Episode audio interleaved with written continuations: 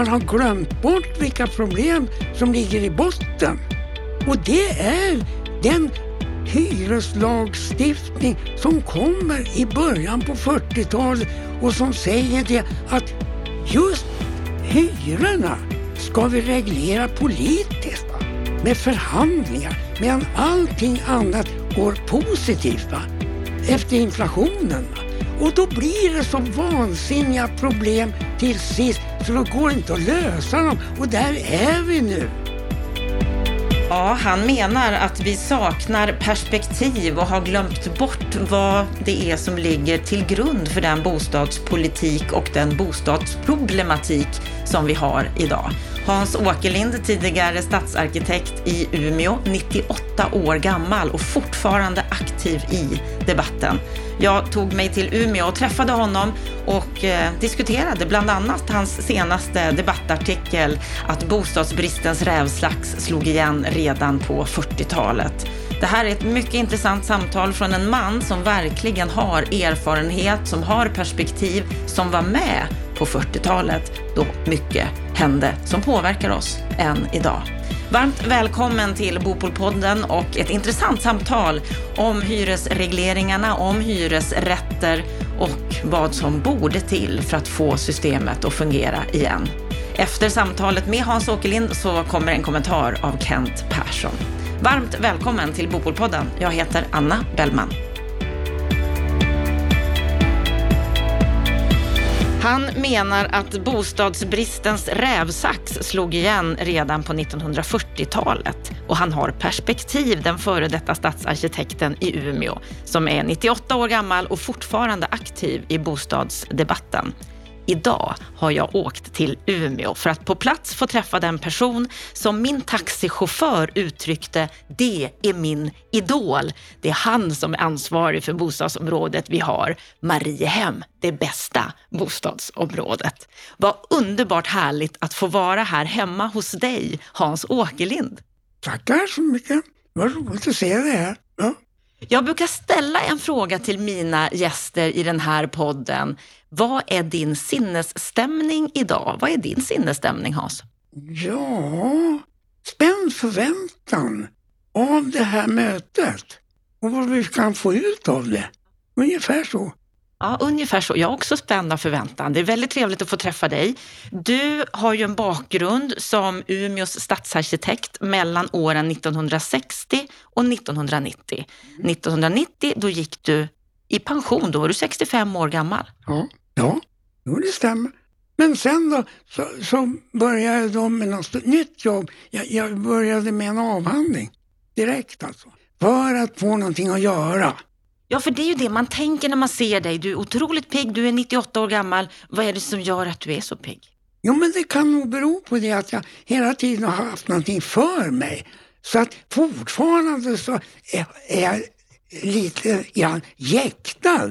Jag har strängt taget aldrig långsamt. Så det, då jag inte vet vad jag ska göra. Jag har alltid någonting att göra.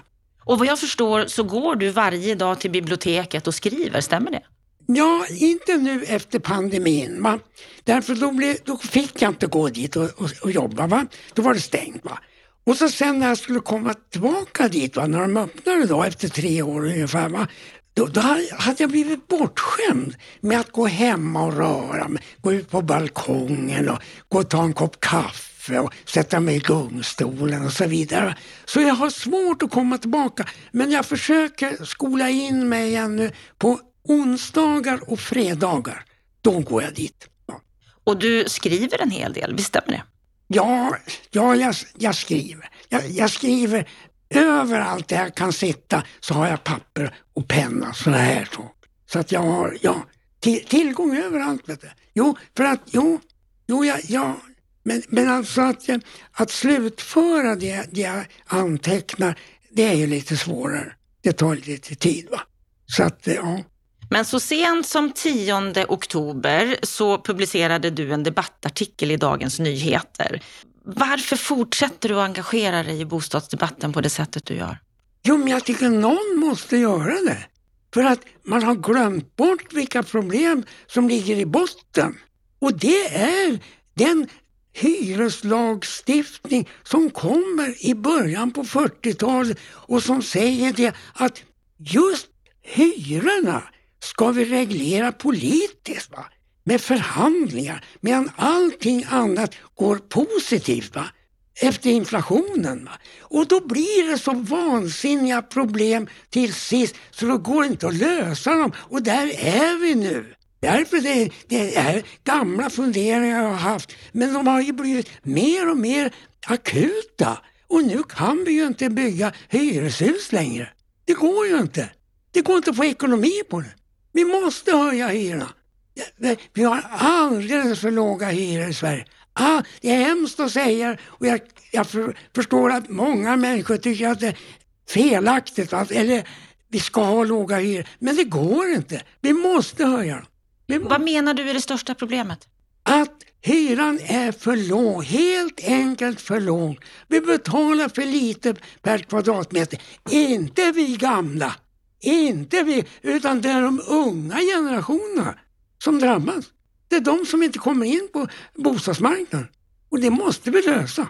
Jag tänkte hänvisa till den här debattartikeln som du skrev som är otroligt läsvärd, som ju då heter Bostadsbristens rävsax slog igen redan på 1940-talet. Och där skriver du bland annat så här, att den bostadsbrist som vi fortfarande kämpar med, åtminstone i expanderande tätorter, den startade omkring 1940. Mm. Vad var det som hände då? Jo, men det var ju kriget bröt ut då, i första september 1939. Va? Och då slutade marknaden fungera när det gällde eh, hyreshus. Man kunde inte sätta igång och bygga några flera då trots att det då blev en ström av människor som välde in i städerna därför depressionen var äntligen slut. Va? Och då frågar man efter bostäder.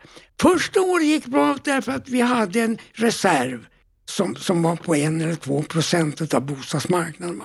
Så första året gick bra, men inte sen. Då. Och då är vi inne i 1940. Och då hotar ju priserna stiga väldigt mycket. Och då gör regeringen en felak, ett felaktigt, eller olyckligt beslut att man sätter ett hyresstopp, kallar vi det för. Och min mamma och alla hennes eh, släkt, eh, bekanta som också hade små hyreshus. Va? Det hette en hyresregleringslag. Alla andra priser reglerade man med en priskontrollnämnd. Man tillåt dem stiga va? 3% per år ungefär. Va? Det skulle man ha gjort med hyrorna också. Då hade vi haft en, en bostadsmarknad som fungerade. Så den där rävsaxen, den kommer alltså 40 eller 41. Det är bara att gå in i, i, protokollen och se när, när, när hyreslagstiftningen kommer. Jo. Varför tror du att vi har haft den kvar i alla de här åren? Ja, ja det kan jag inte svara på. Det. Därför att, jo men den var naturligtvis väldigt eh, lycklig för de som hade bostäder. Och det var ju naturligtvis majoriteten. Och de är röstberättigade. De som inte kom in på marknaden, det var ju ungdomar då. Och de, de var i minoritet. Det kan vara det. Därför, och det är därför politikerna inte tar upp det. De, de kan inte ta upp det därför att de får en, en väldigt stor majoritet emot sig. Alltså går det inte att klara det här på, på en mandatperiod heller. Utan jag säger, vi måste sprida ut det här på 20 år ungefär. Då har vi haft det här i 100 år. Vi har haft det i 80. Och så, säg då att vi tar det på 20 år. 20 år då blir det bara 5% per år. Och det, det tror jag vi skulle kunna klara av. Eh, jag skulle vilja gå tillbaka till din historia, din mammas historia. Du skriver om det i den här debattartikeln. Att dina föräldrar hade köpt fastighetshusen Almen 4, Rote 2 år 1925 i Gävle, samma år som du föddes. Och de köpte de här fastigheterna som en pensionsförsäkring, det stämmer det? Ja, det var det man gjorde. Och det var väldigt många människor över hela Sverige som gjorde det. Alltså i, i Gävle och arbetarstäder så var det duktiga arbetare som gjorde det. Va? I Stockholm har jag också kommit i kontakt med det där. Där var det affärsmän. Den som jag hyrde av som nygift, de hade en, en fotoaffär på Karlavägen men bodde på Kungsholmen och hyrde ut på Prästgatan i Gamla stan. Alltså. Och sen har jag träffat andra också. En gång jag skulle få den här eh, friskintyg när jag sökte ett av jobben. Va? Och då går man till en doktor. Va? Och då visade det sig han hade en tomt och ett punkthus i Sundbyberg. Va? Som jag just nästan höll på att handlägga då på, jag jobbar på Länsstyrelsen då för att lära mig det här jobbet alltså som stadsarkitekt. Alltså. Jo. Så att eh, det var över hela Sverige. Vi hade inte stora fastighetsbolag på den där tiden utan vi, det var uppdelat på små enheter. Hur var det att eh, sköta och äga de här husen? Ja, det var ett ständigt jobb. Så att, men det var ju, alltså man var tvingad till det. Man skotta snö på vintern och det var att sopa varje vecka och det var, eh, man drog in värme och varmvatten, det kommer inte förrän mitten på 30-talet, åtminstone i vårt fall. Va? Och, jag skulle tro, och då, då hade man den där eldningen va? som man då skulle göra. När man eldade med koks då var det var sjätte timme ungefär. Sen då under kriget så blev det ju då med ved och då blev det var fjärde timme. Så att man hade jobb alltså med husen. Det var det. Du skriver att ungefär 1-2 procent av lägenhetsbeståndet stod regelbundet tomt. Som hyresgäst så bodde de flesta bara några år i sin lägenhet och sen flyttade de till något större eller mindre, något med bättre läge eller bättre inredning. Och marknaden såg själv till att bygga nytt efter behov. Ja, det gjorde man. Så då under den här perioden då, om vi säger 30-talet i Gävle, så var det ju depression. Var det ju över hela världen. Va? Det byggdes bara två som jag kan minnas, två hyreshus under den tiden. Och stan var i alla fall på nästan 40 000 människor. Alltså. Och då pratar du om Gävle? Då pratar jag om Gävle, ja. Jo, jo. Så att, eh, jo, det, det var att någonting som skötte sig själv, det här med bostäder på den där tiden. Men samtidigt hade vi en väldigt låg bostadsstandard i Sverige. Väldigt låg. Va? Men det är ett annat problem att, att man försökte lösa den då. Och då kom ju det här då med de här statliga lånen som man förde in då, subventionerade lån då. Och, då, då och, och sa, kombinerade med en väldig granskning. Så vi hade vi arkitekter på stadsarkitektkontoret utbildades då i granskning. Och det, allting är reglerat. Kapphyllans längd till exempel eh, reglerad på centimetern och garderobernas storlek och garderobernas läge och sådana där saker. Och köket och allt är ju reglerat. Så det har ju blivit en väldigt fin eh, höjd standard på boendet i Sverige. Ja. Men det har ju lett till, genom att lånen var så eh, frikostiga och subventionerade, så blev det så också att vi ökade ytan på boendet. Så vi i Sverige bor väldigt, väldigt flott. Så när jag håller på med en ny stad, då måste jag göra det i två versioner. Va? En för, jag kan inte säga svenska förhållanden, va? utan jag säger nordiska förhållanden. Då varje människa tar 40 kvadratmeter bostadsyta och en internationell där man klarar sig på 20 kvadratmeter. Va? Det är skillnaden. Så vi är bortskämda med låga hyror. Och det har resulterat i det här. Bortskämda med låga hyror och stora ytor. Ja, ja, jo. Och, det, och det, det, du säger nu är lite i förbigående, det är att du håller på att skissa på en ny stad. Ja, jag försöker göra det. Jo, ja, det har jag hållit på med länge. Och det är gamla tankar. Jag tycker det är någonting fel med städer. Att de får samma problem när de får en viss storlek, var de än ligger i världen, med trafik som stockar sig. Va? Och, och det ger dålig luft va? och dålig hälsa på sikt. Va? Och så gör man precis samma saker i varenda stad. Man bygger nya trafikleder. Så Stockholms kommun bygger nu den här förbifarten då för 30, alltså, nu är den uppe i 41 miljarder va? och ska hålla på till 2030. Va? Och jag säger det måste vara något fel. Och det håller jag på och försöker lösa nu. Och vart ska den här staden ligga? Det ska byggas väldigt mycket städer i världen totalt. För vi ska gå upp från 8 miljoner, miljarder människor till 10. Och det kommer att byggas väldigt mycket av dem i, i Afrika. Och hur det ska gå till, det vet jag inte. Hur långt har du kommit då i skissandet av din stad? Ja, jag har ju hållit på sedan 2009. Så jag har hållit på 15 år med den. Men ju längre jag håller på desto mer och mer komplicerat blir det. Vad är det som är mest komplicerat? Nu är det FN och Världshälsoorganisationen har kommit till att, kommit fram till att varje stad ska ha ett omland omkring sig som till sist tar reda på de, det avfall i luften, va? eller vad det är, va? Som till sist kommer fram från varje stad, hur väl den än är byggd. Va? Och det omlandet måste vara 200 gånger större än den stad man bygger. Va? Och det är enorma ytor. Att hitta dem, det, det kommer att bli svårt. Så det är sånt där jag håller på med. Ja. Intressanta tankar och viktiga som du säger, för det ja. behövs. Ja, det behövs. Va? Ja. Jag skulle vilja gå tillbaka till din mamma. Ja. Nu tillbaka till Gävle, tillbaka till 1955, för hon behöll huset till 1955. Ja, ja. och då sålde hon det för att då skulle hon bli 70 år. Hon var född 86. Ja, ja. Så, då tror, men hon, hon skötte alltså huset till dess. Och då menade jag, då hade inflationen varit 3% per år i snitt, har man kollat nu va, efteråt. Va? Mm. För den varierade ju under tiden. Va? Och på 15 år då, från 1940, va, så hade hon då haft samma hyresinkomster. Alltså blev de fem, 3 gånger 15, 45 procent mindre inkomst, årlig inkomst fick hon att leva av. När jag kommer fram till det, jag säger, men hur klarade hon upp det? Va? Hur gjorde hon?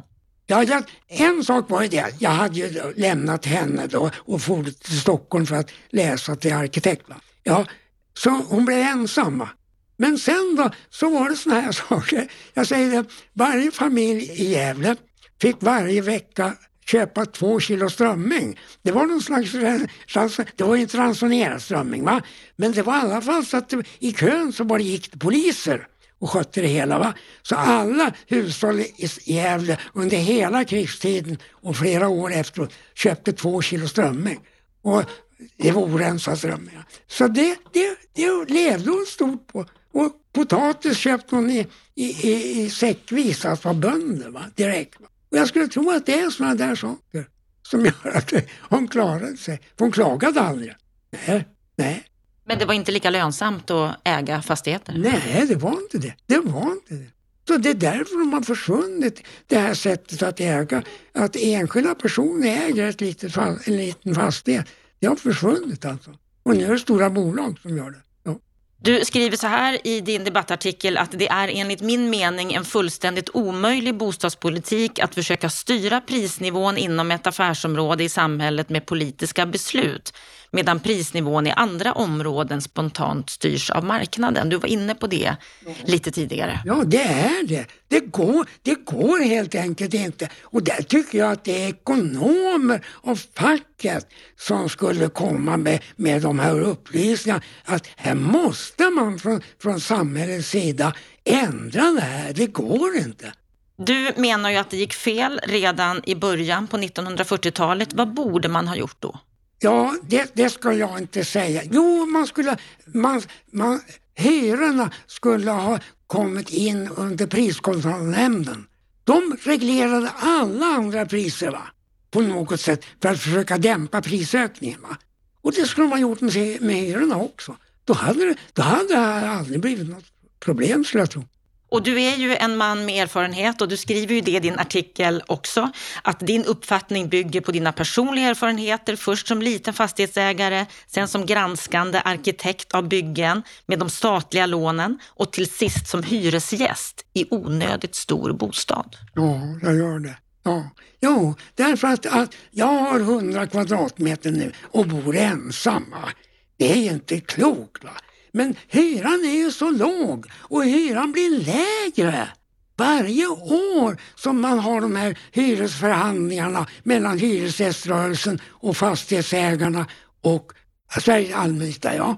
Nu gick man ju med på 4,2 procent. Just då var inflationen 9,3 tror jag det var. Nu har väl inflationstakten gått ner lite grann alltså. Men säkert kommer min hyra att bli 5 procent billigare i jämförelse då med förhoppningsvis min inkomst också. Men även då allt vad jag betalar runt omkring alltså för kläder och mat och dryck och sådana saker. Här menar ju Hyresgästföreningen att de måste värna hyresgästerna, att det inte är hyresgästerna som ska stå för hela den här inflationsökningen utan att mm. även fastighetsägare måste ju bidra till det här. Håller du med om det? Nej, det går inte. fastighetsägarna har ingenting att bidra med. De har inte ett öre över. Och det har det varit ända sedan 1940. Vi har, fastighetsägarna har aldrig kunnat underhålla sitt bestånd så som man måste göra med allt man äger. Alla som har sommarstuga ser det, vilket evigt jobb det är. Va? Allt är det någonting som ska grejas. Va? Och det är det med hyreshus också. Och det, just det där underhållspengarna, de har inte funnits. Så att vårat hus måste ju rivas till sist. Taken läckte, hängrännorna hängde ner och putsen ramlade av och färgen flagnade. Ja, det, det går inte. Och det, det blev förslumning? Ja, och det måste rivas. Och nu står ett parkeringshus där utan hyresreglering. Det kan man bygga då och ta så mycket betalt som behövs alltså. Men inte så fort det bor folk där. Det är ju alldeles fel.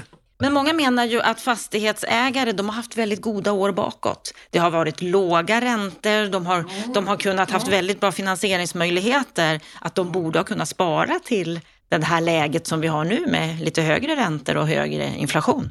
Mm, ja, de kanske har tagit ut, ja, de har kanske tagit ut vinsten därför att med de här statliga lånen så blev det väldigt mycket bostadsrätts Eh, byggandet. Va? Inte hyreshusbyggande utan bostadsrätter. Och de där bostadsrätterna, insatsen, har stigit väldigt mycket. Och där har det nog funnits en vinst va? som de har hämtat hem väldigt fort. Va? Men, men sen då, den här årliga kostnaden då, det är ju bostadsrättsföreningen som har avsatt det. Så att ja, nej jag tror inte att de, nej, nej, nej jag tror att det är hyresgästerna som, som måste måste inse nu att vi, vi bor för billigt. Jag tror det. Jag tror det. Man måste på något sätt tala om det för alla.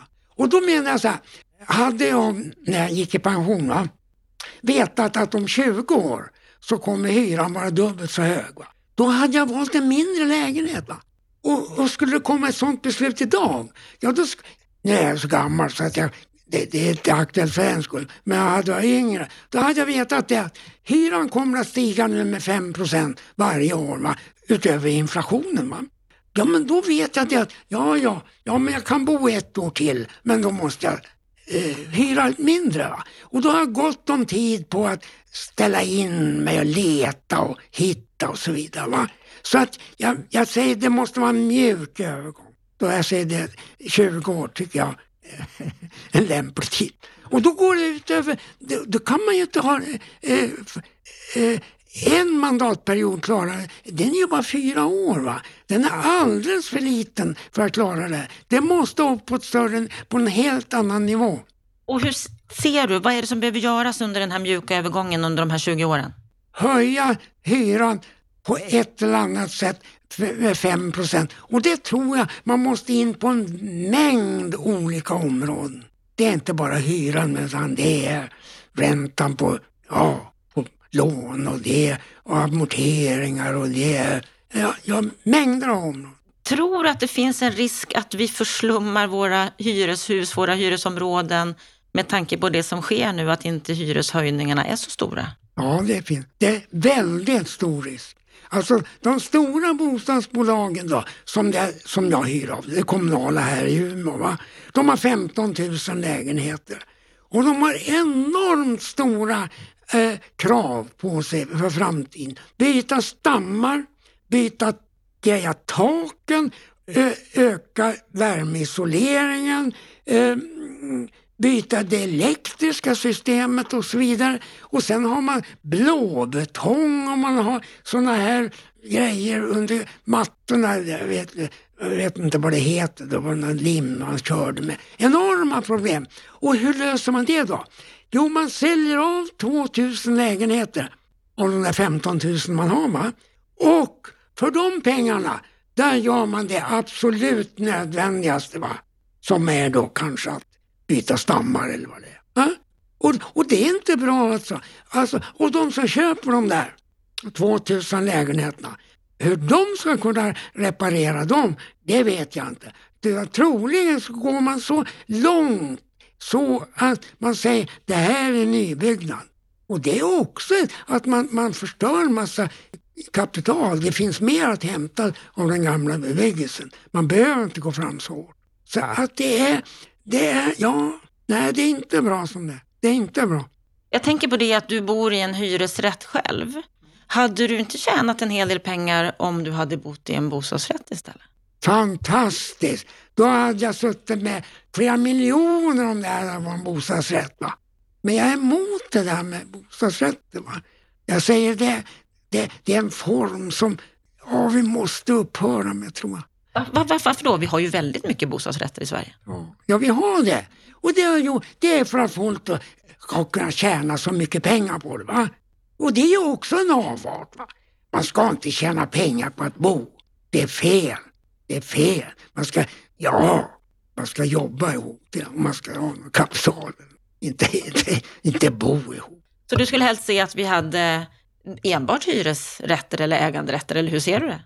Ja, helst bara hyresrätter. Ja, ja. Även i husform? Ja, småhus. Det är en väldigt...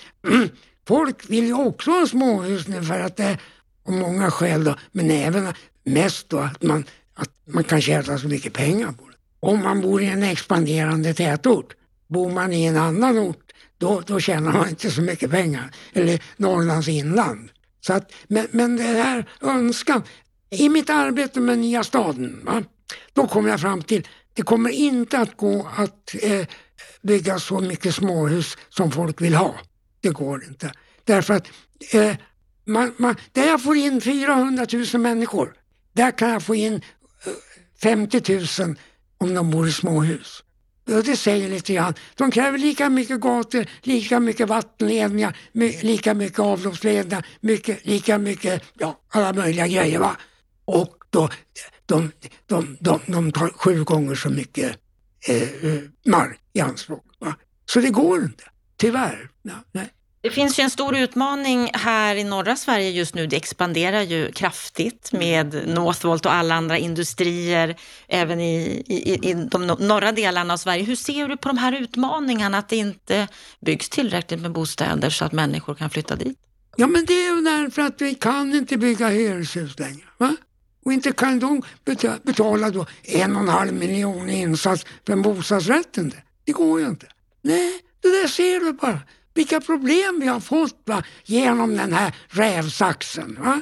Ja, vi måste lösa det.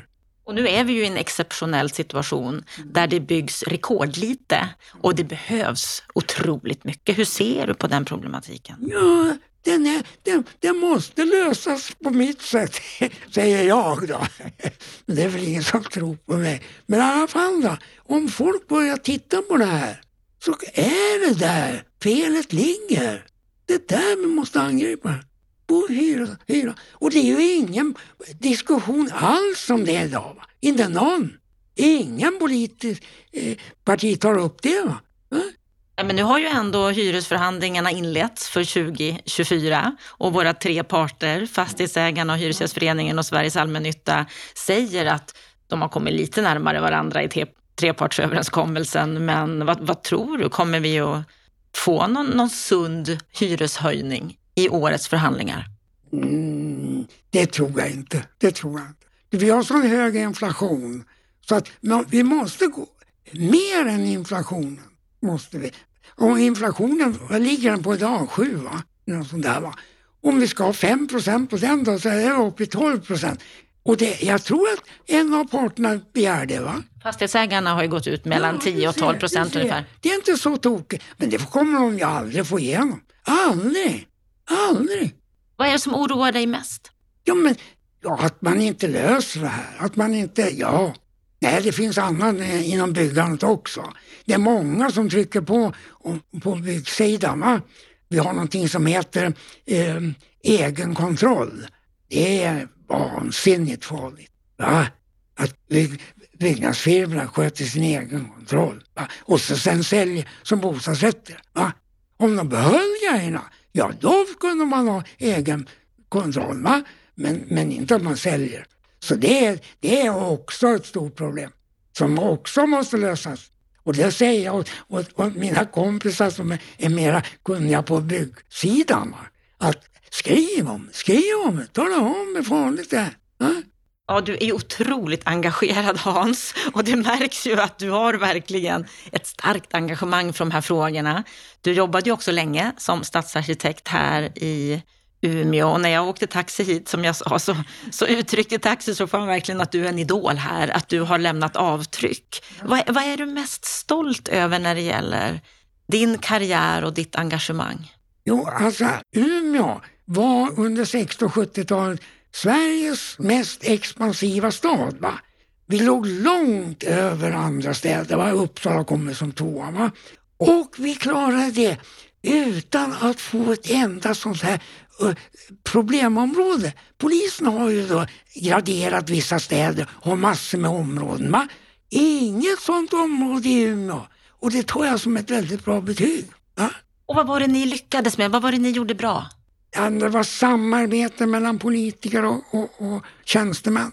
Man hade, man hade väldigt eh, många utbildade tjänstemän som man lyssnade på. Nu har man tagit bort alla de där och har andra som sitter i ansvariga positioner och som inte kan någonting om det. Det här är en som, som vi hade. Vi hade ja, det är, ja, jag säger det, vi, vi hade en civilingenjör, gatukontor hade tre civilingenjörer. Nu har man inte någon. Va?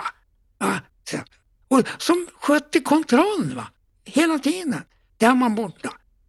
Alltså händer det också saker och det kommer att hända andra saker. Det vet vi. Och det är på alla möjliga områden. Va? Det är på byggområdena, det är på avvattningsområden och sådana här saker. Ja. Så att, så, så rätt kompetens och samarbete? Ja, ja, vi hade bra samarbete med politiker då. Väldigt bra.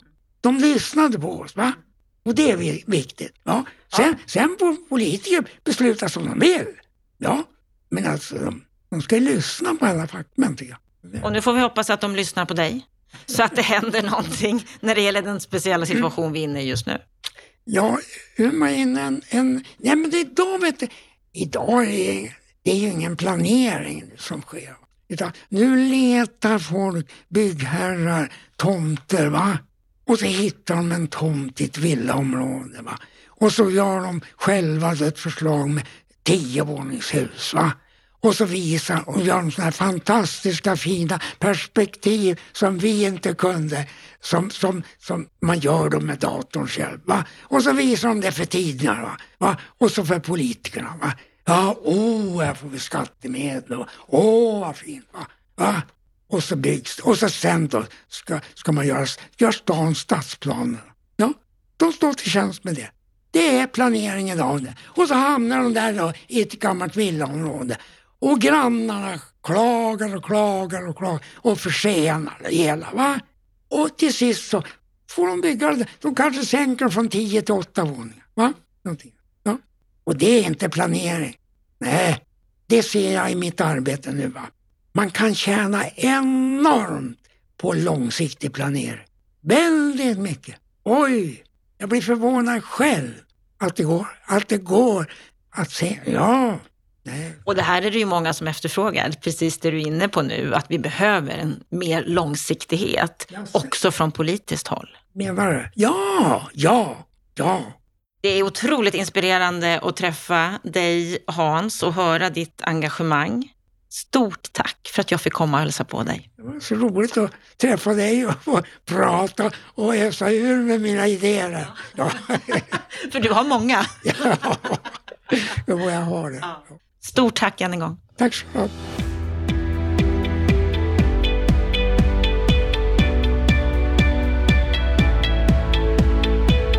Ja, då har vi hört samtalet med den pigge och mycket aktive Hans Åkerlind. Ja, Kent Persson, du som är väldigt mycket hyresrätt. Vad säger du om det här samtalet? Ja, men det är ju en sann gentleman, alltså 98 år och så pigg. Och som är det avtrycket som han har gjort uppe i Umeå, som du beskriver just när taxichauffören beskriver. Alltså det är fantastiskt och det är roligt och eh, en spännande intervju att höra just dels med hans engagemang som är genuint och också faktiskt med hans historiska perspektiv. Han är ju väldigt tydlig med just historien, att det var i början på 40-talet när kriget hade brutit ut, att det, det, är det som har lagt grund för den problematik vi har fortfarande idag. Håller du med honom om den beskrivningen och den problembild han målar upp? Ja, men det gör jag. Och det är klart att hyresregleringen är ju precis eh, som man beskriver sattes ju in och det var ju för att eh, efter världskriget där också eh, hålla hyresnivåerna på en rimlig nivå. Problemet blev ju sen att hyresregleringen som bekant blev kvar. Det blev ingen tillfällig som det var tänkt. Och det har ju han beskrivit i sin eh, DN debattartikel hur det påverkade eh, familjens hyresfastigheter och att de till slut liksom inte kunde klara av att driva det. Så att hyresregleringens negativa effekter i Sverige, den finns väl belyst och eh, kritiseras ju ganska ofta i ett makroperspektiv att den har ställt till det och är en av skälen till eh, varför vi inte har en fungerande bostadsmarknad i Sverige. Han säger ju också att han idag betalar alldeles för lite för sin hyreslägenhet och att han också bor för stort. Vad, vad säger du om det? Det är ju ett av problemen som har uppkommit med hyresregleringen, att de som har bott väldigt länge i sina fastigheter, eller i sina hyresrätter, Eh, har en ganska okej okay hyresnivå och oftast bor man ganska stort. Eh, och eh, incitament att flytta är ju obefintligt. Så att vi har ju också i våra stora svenska städer, i kärnorna, så ser det ut precis så här som man beskriver. Det är väldigt låg rörlighet och man bor väldigt länge i sina lägenheter. Och det kanske inte riktigt var tanken med hyresrätten som bostadsform, utan den ska ju också kunna vara tillgänglig på ett sätt mycket enklare. Så att när du behöver flytta till jobb, studier eller, eller vad det nu än är, så ska man ganska enkelt få tag på en hyresrätt. Och det är ju precis tvärtom i Sverige idag. Han beskriver ju hyresförhandlingarna som ett problem också där parterna kom överens om ganska låga hyreshöjningar och han tycker att hyresgästerna måste betala mycket mer för det går inte att bygga hyresrätter idag. Borde hyresgästerna betala mer? I ett generellt perspektiv så har han ju rätt att Eh, i och med att vi har den här långa eftersläpningen och vi har under ganska många år haft en för låg hyresuppräkning, de här årliga hyresförhandlingarna. Jag såg en sammanställning som, som gjordes att Eh, de sista tio åren så har fastighetsägarkollektivet fått hälften av det man har yrkat på eh, vid varje eh, sån här årlig hyresförhandling i tio år. Det är klart att det ger en ganska stor ekonomisk effekt. Negativ för fastighetsägarna, positiv för hyresgästerna som har då eh, för varje år får en lite lägre hyra än vad man får om man äger sitt boende. Så det är klart att det finns en problematik där. Sen är det ju också såklart att vi kan inte heller bara höja hyrorna utan att fundera på hur vi har en heltäckande politik som gör att de som inte klarar av sina boendekostnader, hur ska vi säkerställa att de också har ett bra boende? Och även den debatten saknas ju helt i Sverige idag, alltså den här sammanhållna bostadspolitiken och en riktad social bostadspolitik mot de som har ekonomiska behov. Och det här med att det idag inte går att bygga hyresrätter på grund av detta. Är det hela sanningen?